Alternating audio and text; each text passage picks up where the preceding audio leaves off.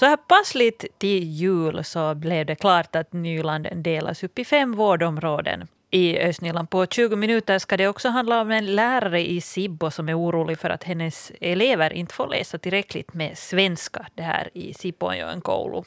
Och så ska vi tala jul med fredagskaffegästerna. Jag heter Helena von Aftan, välkommen. När finska elever började läsa kort svenska ett år tidigare fick de inte alls mera lektioner. Det kom en ny läroplan här för några år sedan och eh, samma antal lektioner breddes ut över flera år. Eh, Hanna Greffe lär ut svenska i Sipoonjoen koulu. Hon tycker att antalet lektioner är för lite för de som läser den här korta B-svenskan. De börjar på årskurs 6 enligt den nya läroplanen. Eh, uh, och i huvudstadsregionen, ja, där har man uh, fixat det här läget genom att ge lite mera timmar på årskurs 7 och 8, men inte så i Sibbo. Och det här är Hanna Greffe, som är svensklärare där i Sibbo och koulu, missnöjd med. De som läser den kortaste kursen svenska, det så kallade B-svenska, så det börjas nu för tiden på ehm, um, vänta nu, sjätte klassen, tidigare var det sjunde klassen. Uh, men att uh, Skillnaden mellan den gamla läroplanen och den nya läroplanen är att tidigare hade, man, hade vi svenska i, alltså i tre år då med B-svenska och då var det alltid liksom två timmar per vecka. Men nu har vi alltså sex timmar tillsammans. Och nu har vi alltså under fyra år så har vi samma sex timmar. Så det betyder att vi har väldigt lite svenska sen och i Sibbo är det så att, att i sjuan och åttan har man bara en timme, eh, en timme svenska per vecka och det, det är ju väldigt lite. Eh, I genomsnitt är det då 45 minuter svenska per vecka och det betyder ju att man knappast hinner eh, lära sig någonting nytt. Man, man hoppas bara att, att de inte ens glömmer, inte glömmer det som de har en gång lärt sig. Eh, I nian har vi då två, två års veckotimmar, vilket är naturligtvis bättre, men att det är väldigt lite svenska som eleverna har just uh, i B-svenska. Och B-svenska det är den största gruppen som vi har. Hur syns det eh, uh, så i praktiken i din undervisning att det är bara den här ena lektionen i veckan?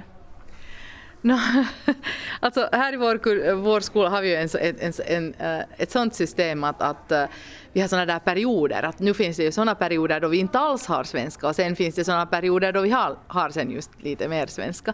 Men att det betyder ju till exempel det att, att de som går i åttan nu, de hade senast svenska i april och nu har de börjat igen. Och, och, det betyder att, att, att, man har nu, naturligtvis så har man glömt ganska mycket. Och det är inget under att, att, att, att svenskan känns svårt.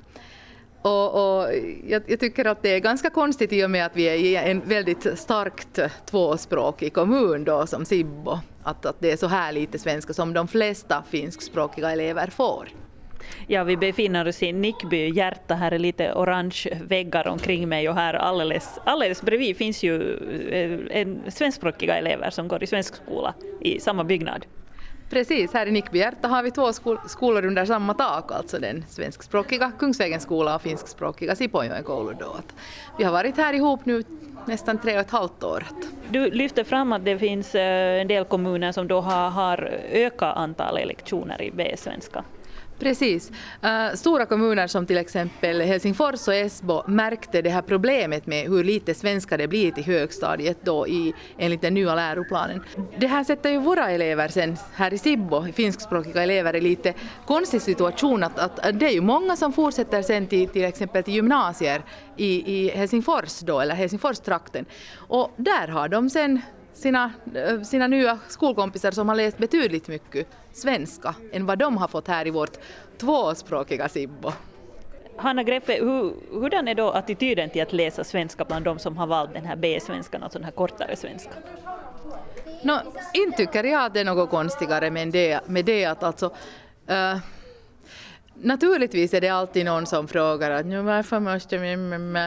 Men att jag brukar inte använda min lektionstid åt det. Att jag har sagt att vi kan diskutera det under rasten men hittills har det inte varit någon som har velat diskutera det under rasten det, det, syns nu också i attityden att, att de har så lite att de känner sig frustrerade och i och med att, att de flesta kan engelska så mycket, mycket bättre än vad de kan svenska då. Alltså de kan ju, eh, vid det här skedet kan, kan de ju bara, bara grunderna så att det känns väldigt frustrerande sen också för de här eleverna att, att inte kunna det här språket som de sen ändå hör omkring sig. Det säger Hanna Greffe som lär ut svenska i eh, Sipoonjoen koulu. Jag träffade henne igår där i Nickby hjärta. Och det är faktiskt så att i Esbo, Grankola, Helsingfors får de som läser den här B-svenskan två lektioner så där genomsnitt per vecka. Eh, också på sjunde och åttonde klassen. Eh, jag gick vidare från Nickby hjärta för att träffa TF bildningsdirektör Hannu Ollikainen och frågat eh, skulle Sibo kunna göra så här? Han eh, medgav att det inte var riktigt optimalt att man tidigare la svenskan men inte satt till fler lektioner utan så där bredde ut samma antal lektioner på fler år. Som tanke att man tidigare lägger så tycker, det tycker jag att det är en bra tanke. Men det olyckliga där var kanske just det att man satt inte nationellt till timmar utan att man liksom urvattnade det på högstadiet, att man flyttade timmar till sexan vilket eh, i och för sig är bra, men sen att det liksom urvattnas på, i högstadiet så är, är igen dåligt. Att, eh, det har sina fördelar och nackdelar. Att i, idealt skulle det ju säkert vara så att man skulle ha fortfarande samma mängd timmar också i högstadiet, men det är ju sen förstås en eh, ekonomisk fråga, att, att det där, var satsar man pengarna? Ja, det blir alltså dyrare om man gör som till exempel Helsingfors stad och, och, och, och sätter in extra lektioner i svenska där eh, på 7 och 8. Eh, jo, det är klart det att varje timme man lägger till så kostar att det blir dyrare. Men nu skulle det ju vara, man kan inte kanske jämföra direkt Sibbo med Helsingfors, att det skulle vara intressant att veta till exempel att äh, finns svenska som A2-språk i alla Helsingfors skolor och läser man det som A2-språk. Att till exempel det var jag hört att i grannkommunen, som till exempel Träskända, så har inte A2-svenska överhuvudtaget. Äh, att det, där, det att vi erbjuder det Sibbo i, i både i lågstadierna högst, eh, liksom i grundläggande utbildning och i gymnasiet också här så tycker jag att det är en ganska fin satsning. Kan du berätta varför Sibbo nu har hållit sig till det här eh, att det ska vara då på sjuan och åttan då, liksom en lektion i veckan B-svenska? Vi gick in för den linjen att vi, vi satte in mera timmar in där i, i B1-svenskan, för vi erbjuder i så gott som i alla skolor har vi också Äh, möjlighet att läsa svenska som A2-språk. Och det är väldigt populärt i Sibbo. Att när man jämför med grannkommunerna så har vi liksom ett, vi har ett helt an, massor med elever som läs, läser svenska som A2-språk. Att det är väldigt populärt i Sibbo. Och sen har vi också språkbad som ett alternativ. Och därför tyckte vi liksom att, att vi satsar nog en hel del på svenskan redan i, i finska skolor i Sibbo. Det säger TF-bildningsdirektör Hannu Ollikainen i Sibbo. Och, och det är över 20 procent av Sibbo-eleverna som läser den här långa A2-svenskan och dessutom går 10 procent av de finskspråkiga eleverna i språkbad. Så det är ju en hel del det.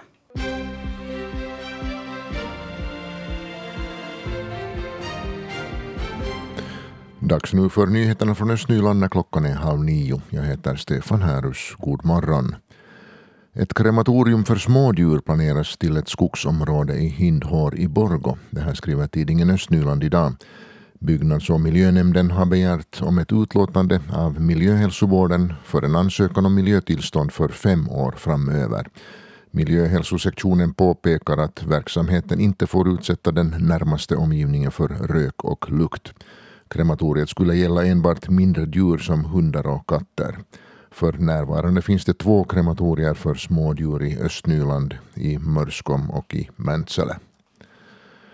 Nu är det klart, Nyland ska få fem självständiga vårdområden varav Östnyland är ett. Sibbo kommundirektör Mikael Grannas säger att det positiva med den modell som nu presenteras är för hela Östnylands del att servicen på svenska tryggas. Likaså tryggas Borgå sjukhus som ett centralsjukhus för hela den östnyländska regionen. Grannas är inte helt nöjd med modellen men säger att slutresultatet trots allt är bättre än det som föreslogs under den förra regeringsperioden. Det han är skeptisk till är landskapsmodellen med tre så kallade förvaltningsskikt. Grannas hade hellre sett ett system med social och hälsovård på kommunal basis.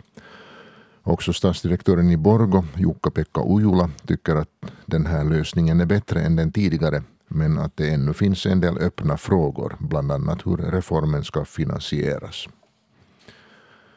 Borgostad backar efter invånarprotester och ändrar på planeringen av Västra Mannahemleden. Åtta småhus i Övre Nese mellan Kanonjärvägen och Helsingforsvägen berörs inte längre av den pågående planeringen av området.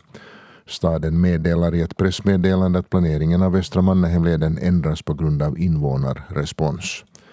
Planen uppdateras så att småhusområdet lämnas utanför arbetet med den kommande dispositionsplanen. En del av bassängerna i Borgå simhall är stängda från och med idag. Idag fortsätter nämligen golvets ytbehandling, ett projekt som inleddes i oktober. Ytbehandlingen görs för att det hala golvet ska bli säkrare. Enligt planerna tas bassängområdet i användning igen annandag jul. Hela simhallen är stängd på julafton och juldagen samt på nyårsdagen. Så här lämpligt inför jul så kommer vårdreformen nu att ta ett steg framåt. Social och hälsovårdsministeriet planerar nu att dela in Nyland i fem självständiga vårdområden. Det betyder att Östnyland skulle då bli ett eget vårdområde. Det var ju tal här i ett skede om att, att det här med att göra hela Nyland till ett landskap och, och till ett enhälligt vårdområde skulle vara väldigt problematiskt just för att sen små kommuner har väldigt lite att säga till om. Uh, just Esbo och Helsingfors och de där så skulle bli ju de som har, har kanske mest uh, att säga till om i ett sånt här stort landskap. Men nu ska Helsingfors bli sitt eget, Östnyland bli sitt eget. Um, Sibo kommundirektör Mikael Grannas eh, han säger att den här modellen som nu presenteras eh, kan trygga service på svenska, men han var inte så där riktigt helt odelat positiv. Så här kommenterar Grannas eh, den här lösningen med fem vårdområden i Nyland i TV-nytt igår kväll mellan pest och kolera så, så fick vi kanske, man dör i pesten, men koleran kan man överleva. Och det är kanske lite bättre lösning som vi nu har än vad vi hade i för, förra regeringsperioden. På vilket sätt då? Och det här, fem områden som möjliggör ändå att vi kan äh, lite mer lokalt planera vår, vår social och hälsovårdstjänst än vad vi skulle kunna i ett gigantiskt här nyländskt äh, stort landskap. Mm. Ja, kan du sammanfatta lite, vad tycker du att är bra med den här lösningen? Nå, bra med den här lösningen så måste jag ju jämföra det med, med liksom förra lösningen som vi hade att välja mellan, så, det, så faktiskt det är att, att det är fem områden och, och det är att vi då liksom för vår del till exempel hör till ett område i Östnyland med cirka 100 000 invånare med stark tvåspråkig service överallt och som kan stödja sig ändå till HNS för specialsjukvården. Alltså Helsingfors och Nylands sjukvårdsdistrikt? Precis, ja. tack. Ja. Ja. Och, hur är det med eventuella risker då? Vad ser du för problem här?